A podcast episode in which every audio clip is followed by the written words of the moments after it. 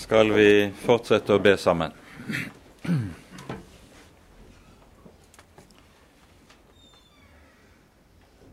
Kjære gode Gud, Hellige Far. Så kommer vi inn for dine øyne igjen og ber deg, Herre, forbarm deg over oss. Se til oss i din store godhet, og la din Hellige Ånd være hos oss. Gi lys i ordet ditt, så vi også kan få kjenne deg rett. Fri oss, Herre, og frels oss fra alt det som vil ta dine ord bort fra våre hjerter. Det ber vi, Herre, for Jesus skyld. Amen. Jeg må visst lukke et vindu bak.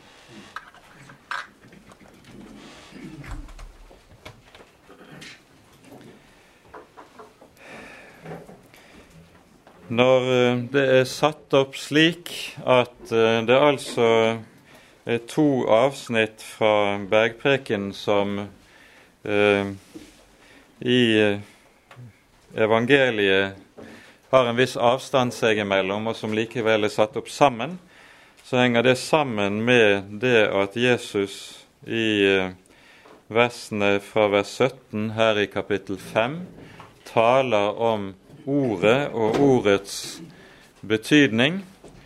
Og da vil det kanskje også være naturlig at vi tar med det Jesus nettopp også sier om forholdet til Hans ord i avslutningen av bergpreken. Derfor er altså disse to tekstene satt opp sammen. Men nå gjør vi det sånn at vi leser det første avsnittet innledningsvis fra vers 13 til og med vers 19 i det femte kapittelet. Dere er jordens salt, men når saltet mister sin kraft, hva skal det så saltes med?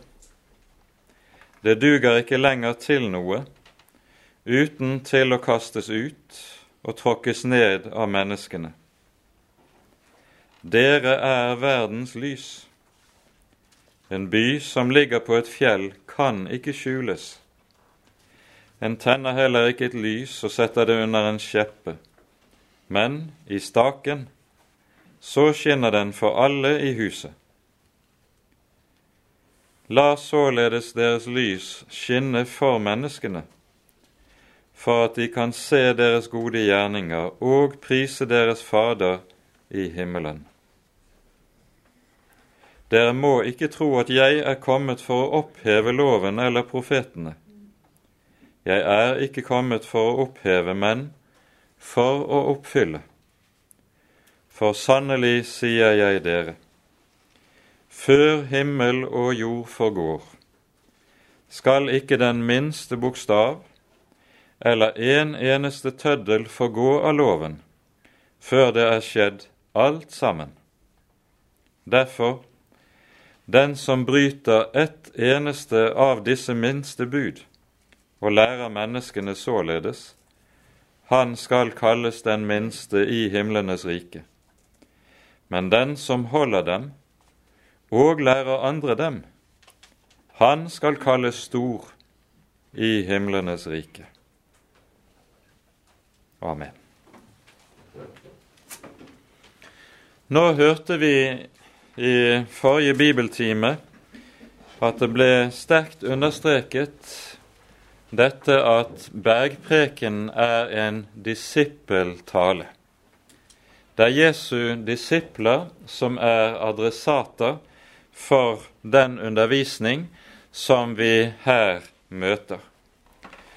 Og ikke minst med det vi hører i de tre eller fire første versene vi her har vært inne på, så tror vi med rette også kan si at det her er tale om disippelfellesskapet i ganske særlig forstand, det vi finner nemlig i menigheten, den kristne menighet. Og så er det altså at Jesus her bruker disse uttrykkene 'Dere er jordens salt', 'Dere er verdens lys'. Og Når vi leser disse to ordene, så vil alle som er her, være godt kjent med at disse to uh, ordene ofte leses som om Jesus her påla oss en oppgave. En leser ikke nøyaktig det som står, men leser det som om Jesus sa dere skal være jordens salt. Dere skal være verdens lys. Og så får man det meget travelt med å prøve å være lys og salt i verden. Og det er mer enn én kristen som har slitt seg ut på det prosjektet å prøve å være lys og salt. Men da ser vi hvor avgjørende viktig det er dette å lese nøyaktig slik som Jesus sier det. For han sier det altså ikke slik. Han sier 'dere er'. Han sier noe som faktisk gjelder alle som hører ham til. Så sant de hører ham til, så er de jordens salt, så er de verdens lys. Det er ikke en oppgave Jesus gir, men han konstaterer noe som er en kjensgjerning, og som gjelder de som hører ham til. Det er det første vi skal merke oss. Det annet vi skal legge merke til i denne sammenheng, det er at vi her må lese dette nettopp i sammenheng med det vi har hørt i foregående time, det som står i de foregående vers. Hvem er det Jesus sier er jordens salt og verdens lys? Er det prektige mennesker som klarer å virkelig være kristne så det forslår, og alle lar seg imponere over hvilken fantastisk kristendom det her er de står overfor. Nei, det er de fattige i ånden. Det er de som sørger. Det er de som hungrer og tørster etter rettferdighet. Det er de som Jesus sier dere er jordens salt, dere er verdens lys. Og så ser vi altså at Jesus også her, som så ofte i sin undervisning, snur det som er våre tanker om tingene opp ned, slik at det blir riktig forunderlig hvordan kan fattige i ånden være jordens salt? Hvordan kan sørgende være verdens lys? Hvordan kan dette henge sammen? Dette henger jo sammen med noe som er en grunntone i Guds hellige ord, når vi bare først får øye på det, og som har med det å gjøre som vår kirkes reformator kalte for korsets teologi og som kan sammenfattes med de ordene som vi møter i kommende søndags evangelietekst. Dersom ikke hvetekornet faller i jorden og dør, blir det bare det ene korn. Men dersom det dør, bærer det megen frukt. I dette ordet taler nemlig Jesus ikke bare om seg selv og sin egen forestående lidelse og død. Her gir han oss også samtidig det som er grunnloven for alt kristent liv overhodet, enten det gjelder hver og en av oss enkeltvis, eller det gjelder hans menighet som fellesskap. Også hans menighet skal legges i jorden og dø for at det skal bli frukt. Og så får vi denne dobbelthet som kjennetegner hans folk. De er sørgende, men alltid glade. De overgis stadig til døden, men dog, de lever. De er syndere og samtidig rettferdige. De lever i denne forunderlige dobbelthet, og som henger sammen med at Herren døder for å gjøre levende. Så er det altså de fattige i ånden Jesus sier dette her om. Og vi har et meget talende eksempel på nettopp dette i Det nye testamentet i et av sendebrevene i åpenbaringsboken, som vi gjør vel i å merke oss nøye.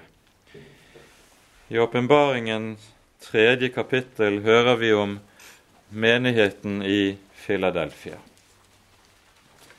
Vi leser om denne fra vers 7 i Åpenbaringen 3 slik. Skriv til engelen for menigheten i Filadelfia. Dette sier den hellige, den sanddrue, han som har Davids nøkkel, som lukker opp, og ingen lukker til, og lukker til, og ingen lukker opp. Jeg vet om dine gjerninger, og se, jeg har satt foran deg en åpnet dør, og ingen kan lukke den til. For du har liten styrke og har tatt vare på mitt ord og ikke fornektet mitt navn. Det vi her leser, er underlig tale. I den gamle oversettelsen og i Bibelselskapets 78-oversettelse så står det slik Du har liten styrke og har dog tatt vare på mitt ord, eller har likevel tatt vare på mitt ord. Dette dog eller likevel, det står ikke i grunnteksten. Det er lagt til som en fortolkende tillegg i oversettelsene. I nyere oversettelser er dette strøket. Poenget er jo at hvis det var slik at dette likevel gjaldt da ville det bety at det å ha liten styrke, det var en stor ulempe. Og så altså på tross av at en hadde liten styrke, så hadde en tatt vare på Herrens ord. Men her er jo det bibelske poenget det at det er fordi en har liten styrke, en tar vare på Herrens ord. Det er bare de som har liten styrke, som tar vare på Herrens ord. Det er det som er den store hemmelighet. For nettopp fordi de har liten styrke, er små og hjelpeløse, så er de avhengige av sin Herre og sin frelse. Og det er det som er deres styrke. Så er den, denne menigheten i Filadelfia en liten menighet. De har ikke så mye å vise til. Det er ikke så meget som er imponerende der i gården. De strever kanskje med både motgang og forfølgelse og meget annet. Og de er også menneskelig talt eller ytre sett fattige. Du har en annen menighet der det er motsatt, litt lenger ute i det samme kapittelet, menigheten i Laodikea. Der er det en stor menighet. Alt er på stell der i gården. Det kommer mye folk. De nyter stor aktelse i omgivelsene. Er, så sier de om seg selv 'Jeg er rik og mangler ingenting'. Om denne menigheten sies det de forferdelige ordene at 'dersom du ikke vender om, vil jeg utspy deg av min munn'. Jesus snur våre tanker om ting på hodet. Og så har han altså vært på visitas i menighetene. Og så er det ikke det store og imponerende som er jordens salt og verdens lys, men det er den lille forsamling som strever og føler de går i motbakke. Det er den. Det er den som får Herrens egen attest. Denne lille menighet i Filadelfia er den eneste av menighetene i sendebrevene som får udelt positiv omtale av Herren når han kommer på visitas. Det sies ikke om noen annen. Vi skulle merke oss dette nøye. Og Dermed så går vi altså tilbake til det vi har som utgangspunkt Matteusevangeliets femte kapittel.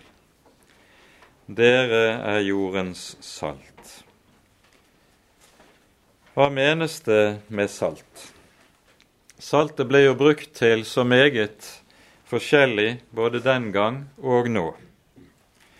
Det kunne brukes i offertjenesten i tempelet. I Moseloven sies det uttrykkelig at ingenting skulle bæres frem på Herrens alter uten at det også ble saltet.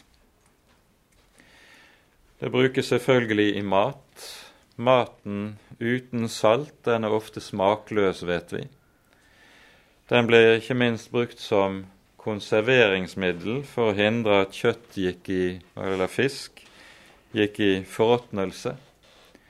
Og det kunne også brukes i forbindelse med metallurgi. Når en skulle smelte ut slagger av metaller, så blandet en ofte salt eller ulike ingredienser sammen med saltet for å fange opp slaggene og få det ut av metallet. Hva er det det tenkes på i denne sammenheng? Sannsynligvis er forklaringen til det som vi her leser, å finne tilbake i Første Mosebok. Her hører vi om hvorledes Herren sender sin engel for å ødelegge Sodoma og Gomorra. Og så er det at Herren innvier Abraham i hva som står foran. Skulle jeg skjule for Abraham det jeg vil gjøre, sier Herren. Han er min fortrolige venn. Og Når Herren har lagt frem for Abraham hva som skal skje, så begynner Abraham å be.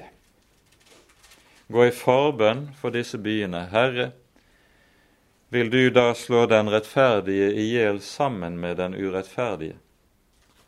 Dersom det er 50 rettferdige i byen, vil du da ikke spare byen? Jo, lover Herren, det vil han gjøre. Så hører vi hvordan Abraham ber, og så går tallet ned, helt inntil vi kommer til ti.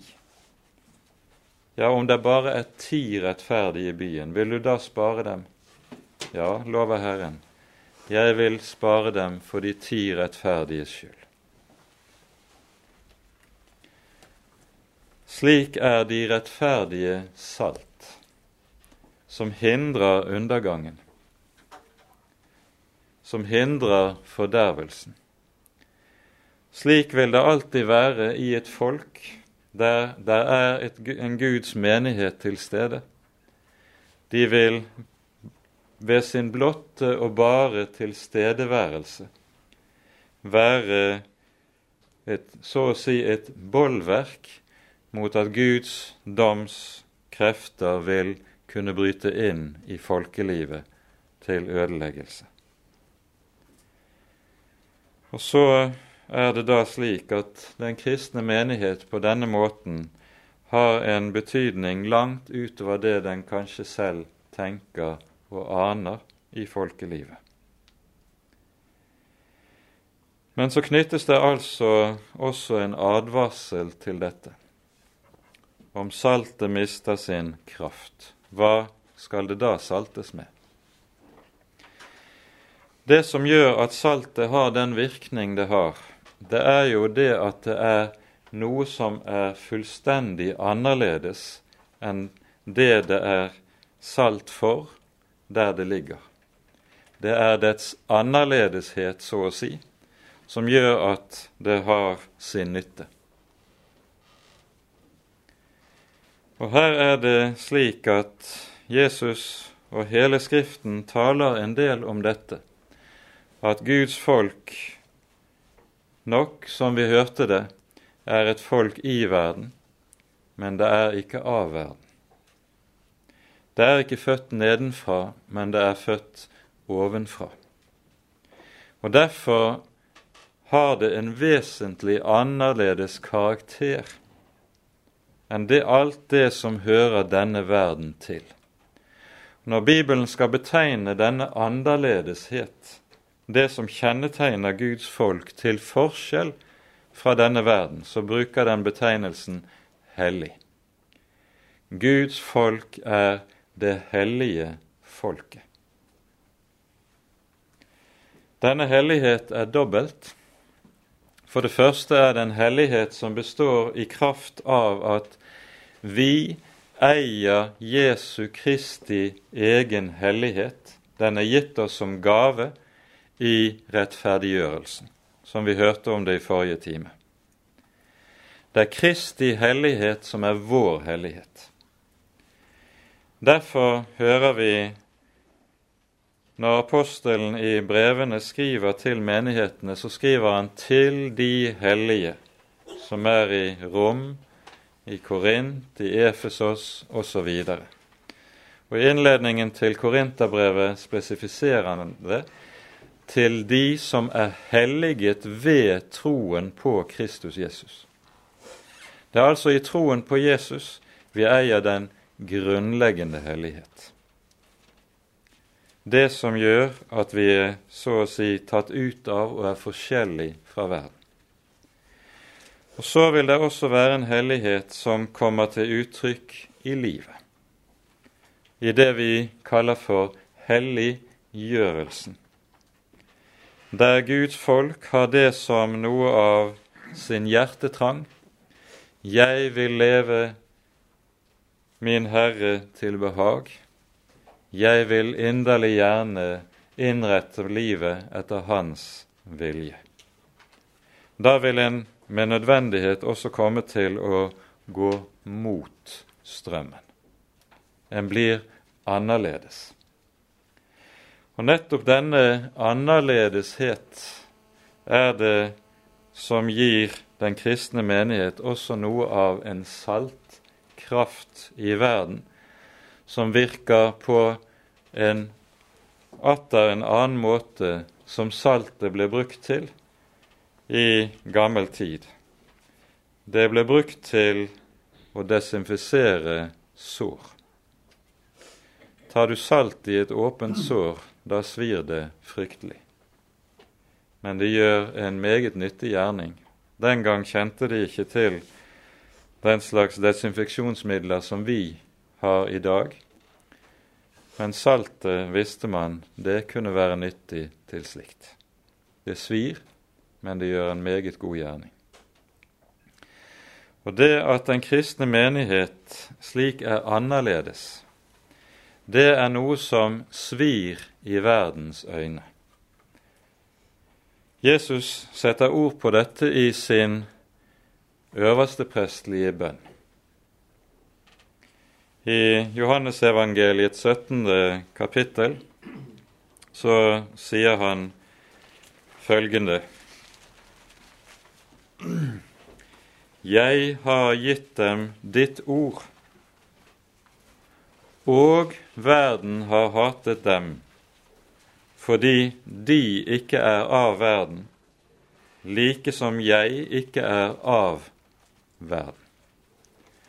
Og merk dette ordet 'fordi'. Og Det første sier Jesus her altså at han har gitt sine venner, sine disipler, sitt ord. Og det at han har lagt sitt ord ned i sine venner, det har skapt et skille. De er født ovenfra. Og så sies det verden har hatet dem fordi de ikke er av verden. Dette er noe av det som er saltets effekt, den annerledeshet, at det er født utenfra. Og Da aner vi også hva det er Jesus har i tanke når han taler om hva det er at saltet mister sin kraft. Det er når den kristne menighet begynner å innrette seg etter denne verdens vis. Det er et vers vi har hatt fremme ved ulike anledninger. Det er ordene i 1. Samuels boks åttende kapittel, der vi hører om folket som kommer til Samuel og krever å få en konge. Og så begrunner de dette slik. Vi vil være som alle de andre folk. Da har saltet mistet sin kraft. Når Guds folk begynner å gjøre det å skikke seg like med verden, da ødelegges dets hellighet. Saltet mister sin kraft. Og da duger det ikke til noe, som vi hører Jesus si. Og dette er noe som er en stadig fristelse for Guds folk oppover gjennom historien, fordi det jo er slik for oss som kristne at det å være annerledes, det er en belastning. Vi ser det hos i det vi kan møte av og til, dessverre, i vårt eget land, i fremmedhatet. Det kommer noen fra andre kulturer og slår seg ned hos oss. De er annerledes. Og så, kanskje av frykt, kanskje av andre grunner, så er det en del som legger disse for hat. Og så får de spørsmålet hvorfor kan ikke dere være som oss? Hvorfor skal dere absolutt være annerledes? Denne verdens fremmedhat overfor den kristne menighet, som ikke er av verden, det er det vi står overfor når vi har saltet som er gjenstand for verdens hat. Så mister saltet sin kraft om det skikker seg like med denne verden. Er vi Guds folk, så har vi dette som et grunnleggende kall. Vi er kalt til å være det hellige folket, og dermed det folk som er et annerledes folk.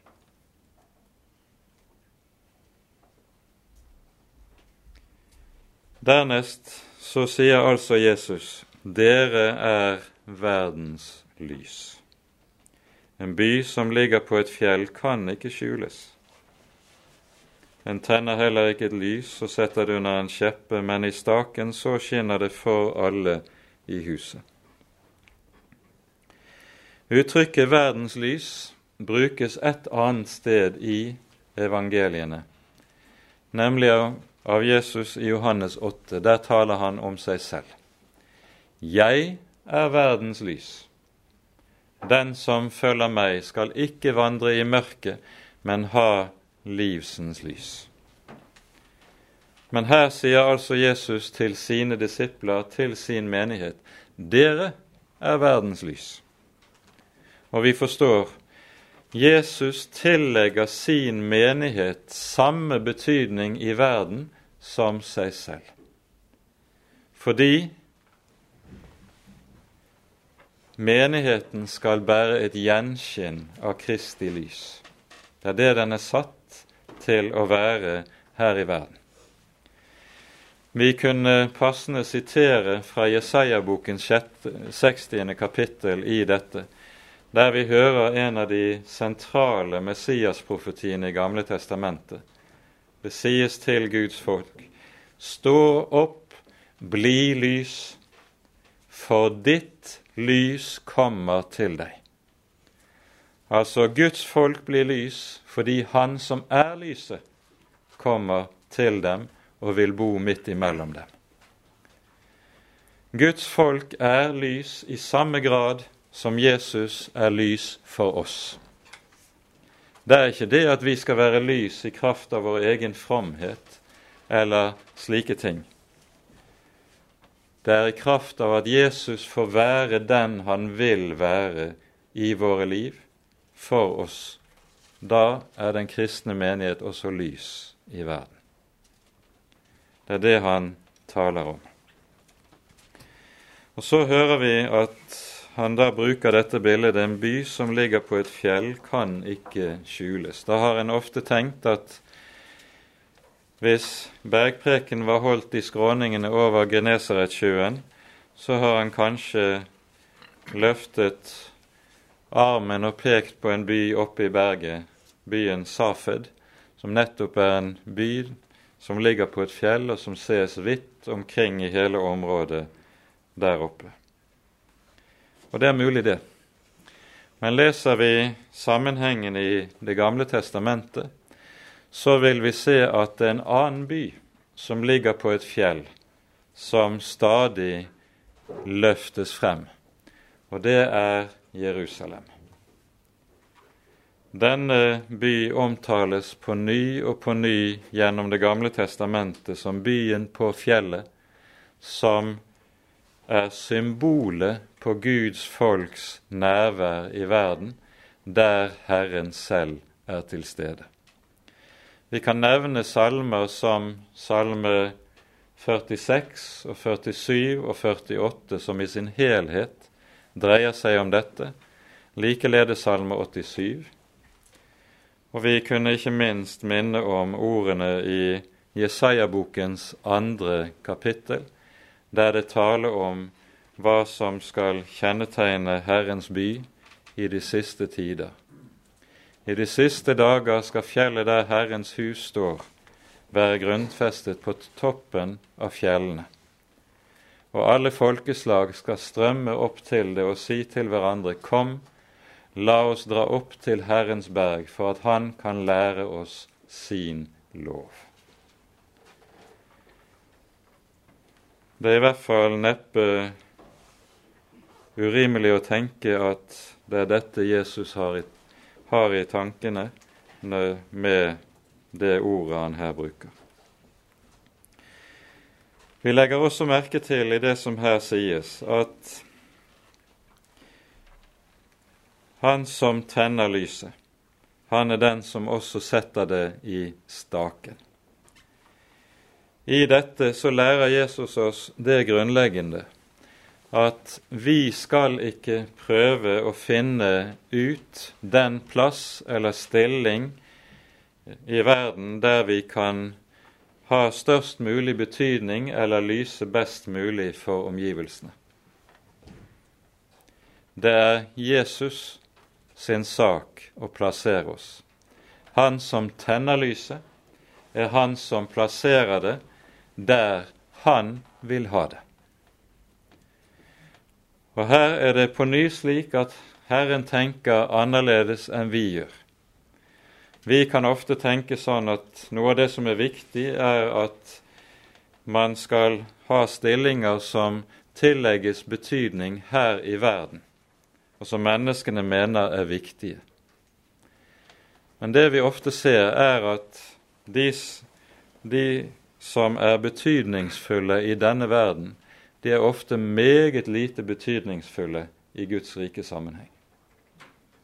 Og motsatt. De som regnes for lite eller knapt aktes, de kan ha den største betydning. Her tenker Bibelen annerledes enn vi gjør. Så skal vi Det som er avgjørende for hvert enkelt kristent menneske, det er at vi ber at Herren får plassere oss der Han vil ha oss. Og der Han vil ha oss, enten ditt kall er å være i det små og det enkle i en liten og ubetydelig arbeidsplass der du synes du ingenting er eller betyr, eller hvor det nå måtte være, det har ingenting å si. Er du der Herren vil ha deg, så er du lys der. Det er det avgjørende. Så føyer Jesus også til La således deres lys skinne for menneskene, for at de kan se deres gode gjerninger og prise deres Fader i himmelen.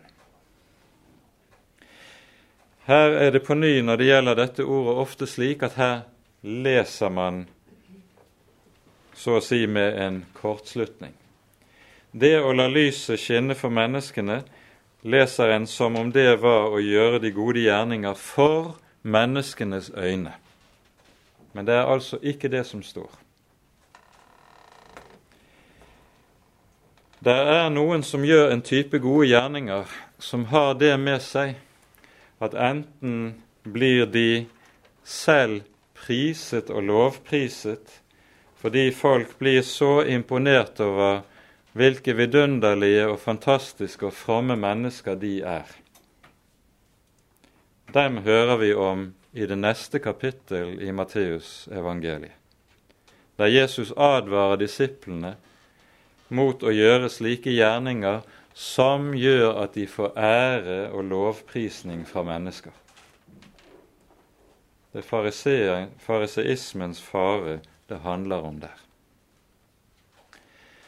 Vi har også en type gode gjerninger som har det med seg, den type lydighet som gjøres ganske surmulende og surmaget, som man aner at her gjøres det egentlig med stor motvilje. Den slags mennesker kan være dypt frastøtende midt i sin prektighet og sin fromhet. Og det er ofte en meget naturlig reaksjon du kan møte hos mennesker når de står overfor det man frastøtes av den typen fromhet eller godgjørenhet. Det var en som en gang hadde vært gjenstand for noe sånt, og kommenterte det nokså tørt slikt. Det eneste disse kristne her er opptatt av, er å vise hvor stor kjærlighet de har men meg er de ikke interessert i. Og Det setter nettopp fingeren på hva det dreier seg om. Den, det som Jesus kaller gode gjerninger, er, det er av en slik art at den er ikke bevisst på seg selv. Fordi det, en, det hjertet er rettet mot, er at en gjerne tenker på den annen og den annens beste. Det er det som er noe av hjerteslaget i det. Men altså, vi skal ikke tenke sånn at lyset som skal skinne for menneskene, er de gode gjerninger. I Filippabrevet tar Paulus opp dette ganske konkret og sier i det andre kapittel slik. Dere skal være Guds ulastelige barn, midt iblant en vanartet og vrang slekt, iblant hvilke dere viser dere som lys i verden, i det dere holder frem livets ord. Det er det som er lyset. Lyset er ikke våre gode gjerninger. Lyset er vitnesbyrdet om Jesus.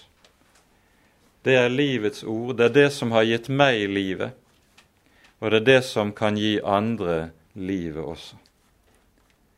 Altså, vi skal få lov til å peke på og vitne om og tale om hva vi har i Jesus. Det er det som er lyset som skal skinne. Og der hvor et sunt og sant vitnesbyrd om Jesus får lov til å lyde, der vil menneskene nok legge merke til gjerningene. Og så hører vi Her er det tale om noen gjerninger som får menneskene til å takke Gud for dem. Og Jeg tror alle sammen har møtt noen slike mennesker. Der du har møtt et hjertelag som er slik Takk at det finnes sånne mennesker. Takk Gud for det.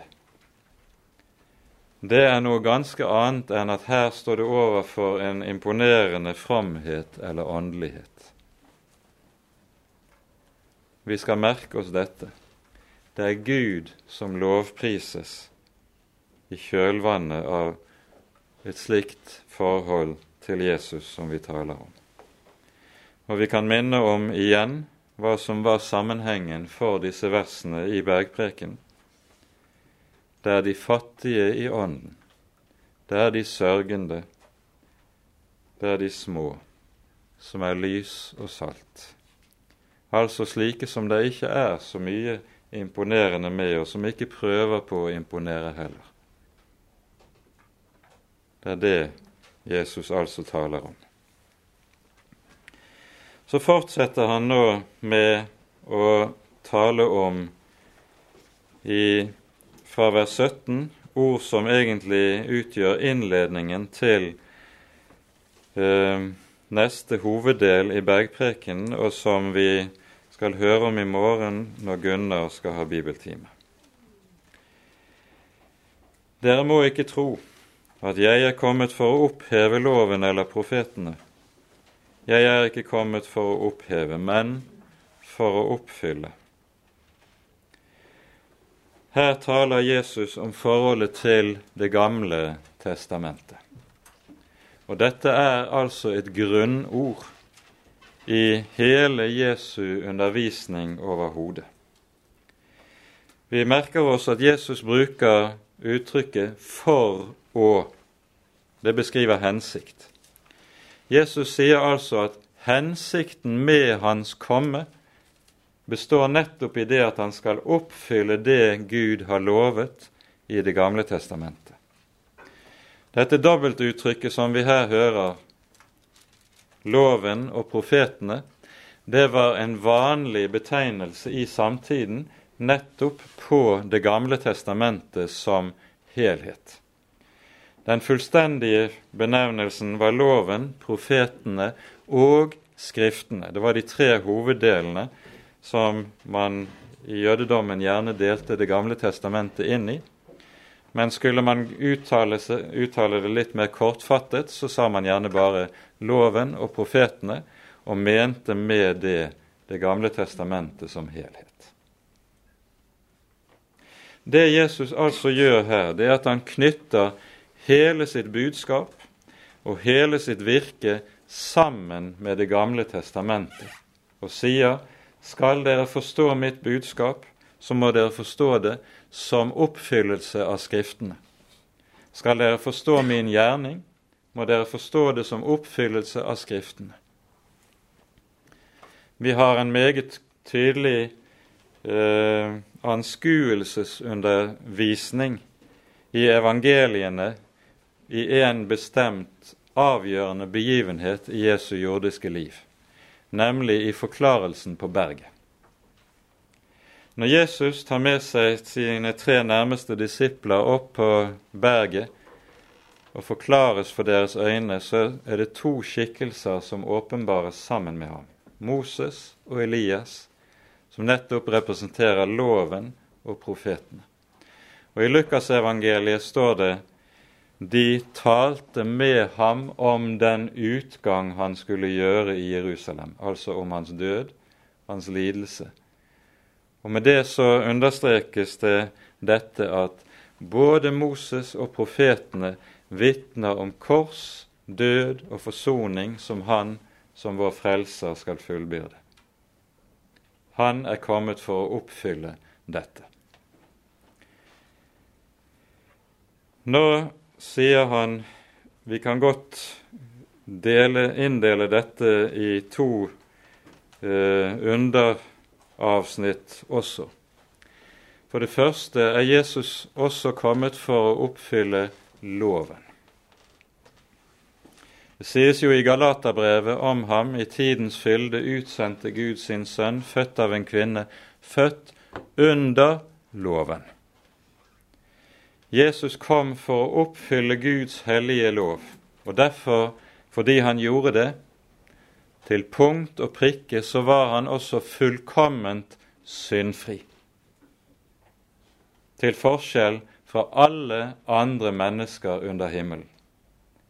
Det er bare én som i Guds øyne og i Guds lys kan kalles for rettferdig i ordets egentlige forstand. Det er Jesus.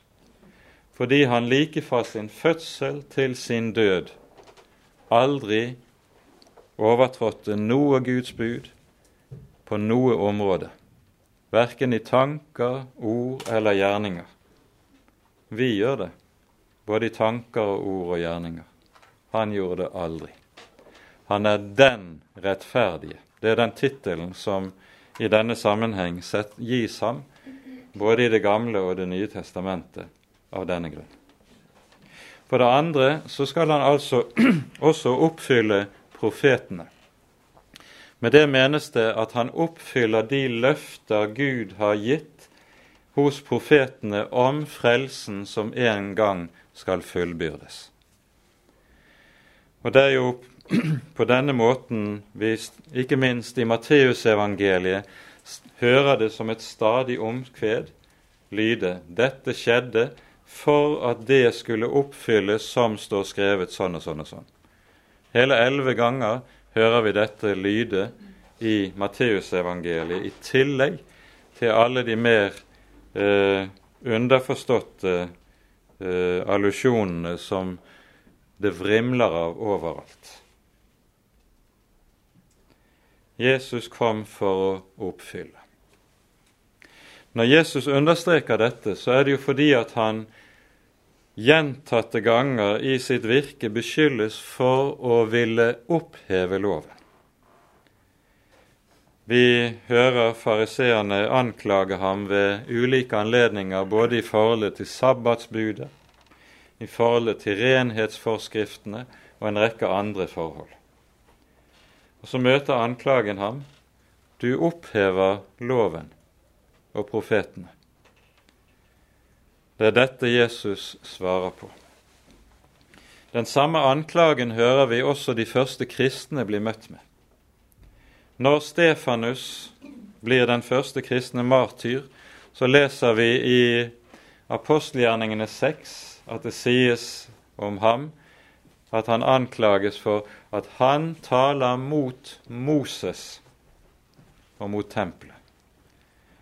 Altså han møter samme anklage som Jesus ble møtt med du vil oppheve loven.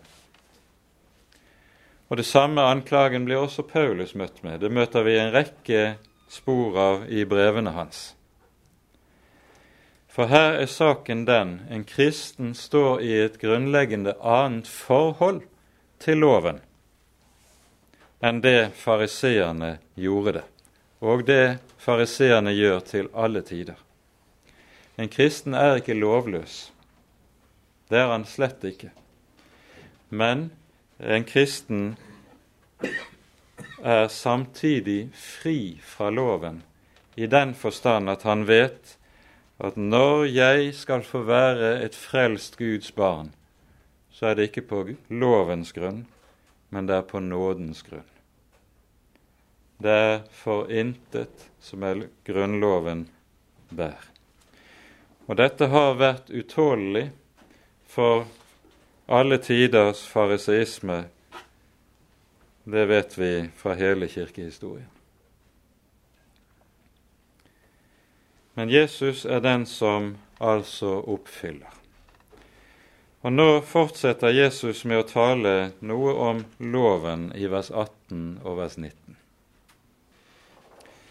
Og Det Jesus her lærer oss, det skal for det første minne oss om at den lettvinte omgang med Guds hellige lov som du av og til kan høre i en del kristne kretser Vi klarer jo ikke å oppfylle loven likevel, og underforstått da er det ikke så farlig. Det er ikke i pakt med Guds ord. Jesus er meget nøye med loven. Som vi også hørte i forrige time, en kristen vil være meget nøye med at han søker å innrette livet sitt etter Herrens ord. Men vi leser altså Sannelig sier jeg dere, før himmel og jord forgår, skal ikke den minste bokstav eller en eneste tøddel få gå av loven før det er skjedd alt sammen.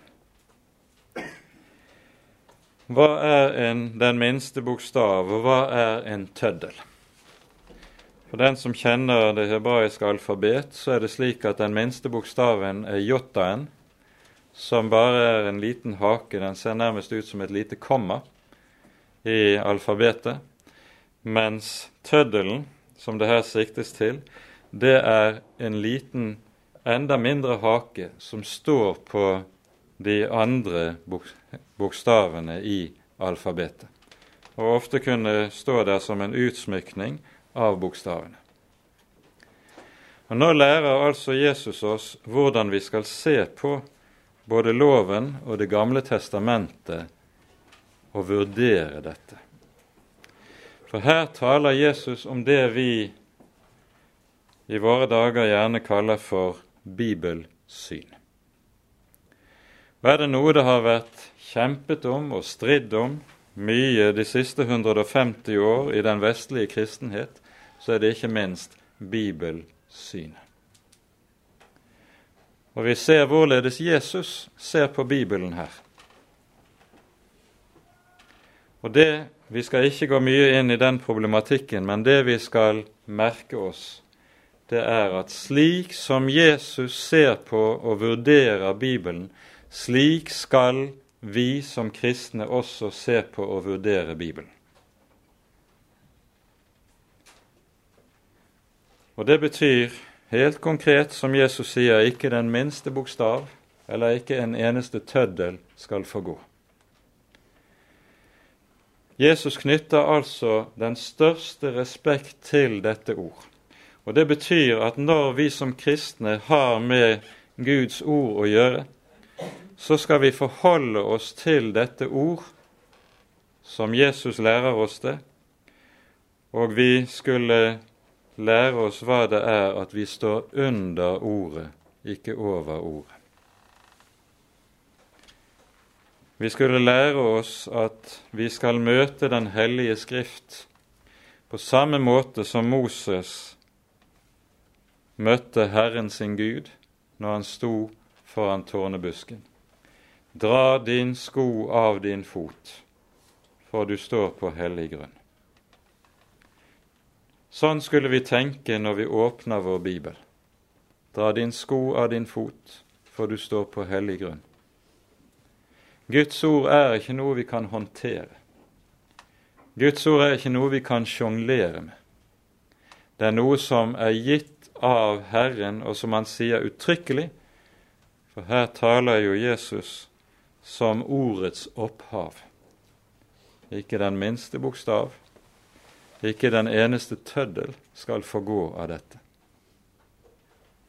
For Han som har gitt ordet, han sier også 'Jeg vil våke over mitt ord' for å fullbyrde det. Noe av det samme møter vi igjen i Jesu tale om de siste ting i Matteusevangeliets 24. kapittel. Der sier han slik.: Himmel og jord skal forgå. Mine ord skal aldri i evighet forgå.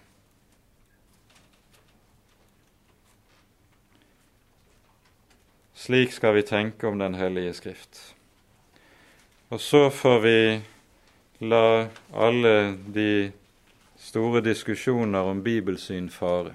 Det har vært sånn i 150 år at teologer har villet lære oss at Bibelen er ikke Guds ord, den er menneskers ord. Eller Bibelen er en blanding av Guds ord og menneskers ord. Når man får en slik holdning til Den hellige Skrift, da kan en trampe rundt i Skriften som en elefant i en porselensbutikk. Da merker du lite av den ånd som du ser hos Moses ved tårnebusken. Det er noe ganske annet.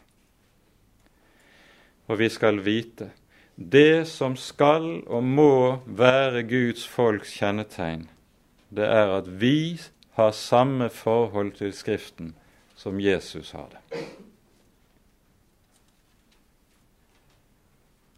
Dra din sko av din fot du står på hellig grunn. For Skriften er hellig, for i Skriften møter vi den levende Gud selv. Det er jo det som er det store med Skriften. Det er ikke bare ord som er gitt oss, så å si, for å formidle teoretisk kunnskap om Gud. Nei, i Skriften skjer det at vi møter den levende Gud selv. Den levende Gud kommer til oss i og med og igjennom de ord som her lyder. Og Derfor, som vi møter Herren, skal vi møte Hans ord. Ikke den minste bokstav eller en eneste tøddel skal få gå før det er skjedd alt sammen.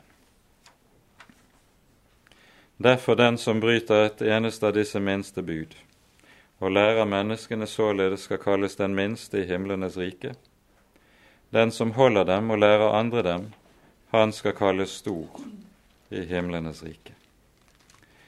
Og Med dette i minne leser vi ganske kort avslutningen i Bergprekenen, kapittel 7, fra vers 24 til 29.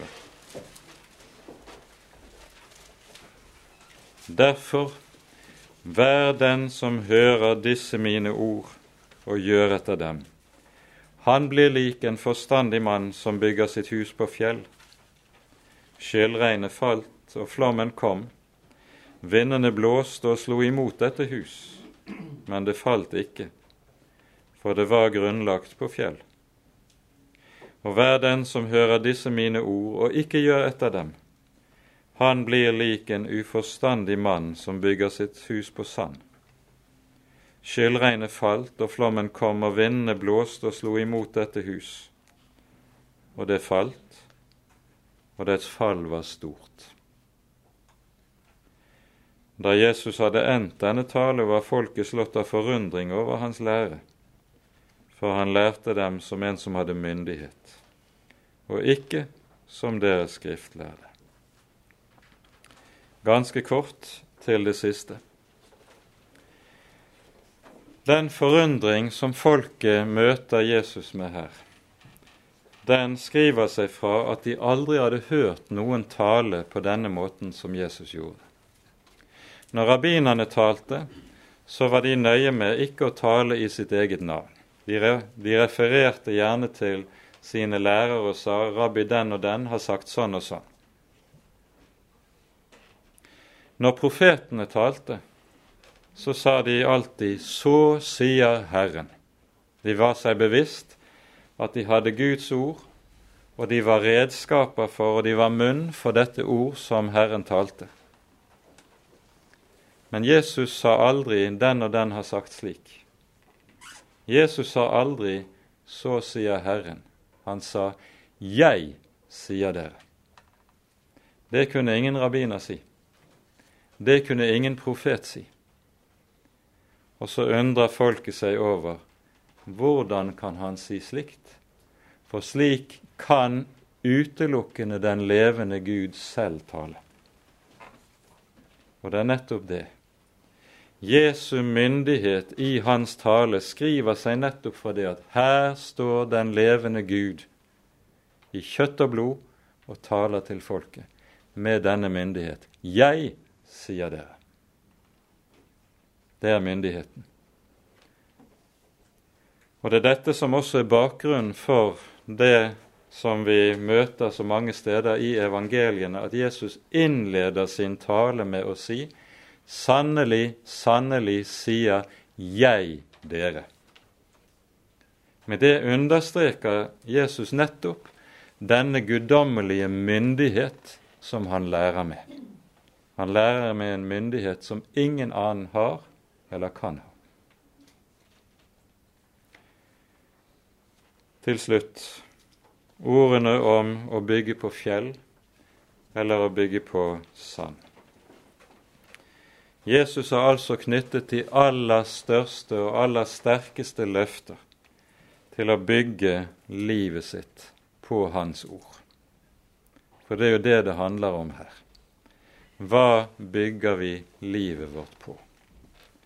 Hva det gjelder da om hver og en av oss som enkeltmennesker, og det gjelder om den kristne menighet som fellesskap. Hva er det den kristne menighet bygger på? Jesus har gitt et løfte i Matteusevangeliets 16. kapittel knyttet til Peters store bekjennelse. Han sier i det 18. verset der Dødsriket på denne klippe vil jeg bygge min menighet, og dødsrikets porter skal aldri få makt over den. Det er huset som står på klippen. Og hva klippen er i Matteus 16, det forstår vi, det er Peters bekjennelse. For hva betyr ordet 'bekjenne'? Det greske ordet 'bekjenne' det betyr bokstavelig å si det samme som. Når jeg bekjenner, da betyr det det at da sier jeg det samme som Herren har sagt fore. Jeg sier ikke jammen, jeg sier amen. Det Herren har sagt fore, det gjør jeg til mitt eget. Det er mitt eget hjertes tro, mitt eget hjertes liv. Og så kan Peter bekjenne du er Messias, den levende Guds sønn, og huset står på klippegrunn. Og den kristne menighet, der den er en bekjennende menighet, dvs. Si en menighet som bygger på denne grunn, som sier hva Skriften sier,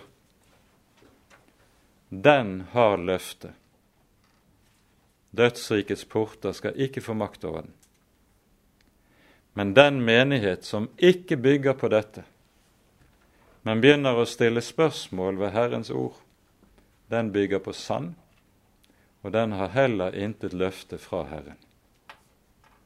Det skulle vi merke oss, ikke minst i våre dager, hvor det så meget tukles med Herrens ord. De bygger på klippegrunn. Det gjelder menigheten i Filadelfia. Den er liten. Den ser ikke, det ser ikke så storartet ut der, men den eier Herrens løfte.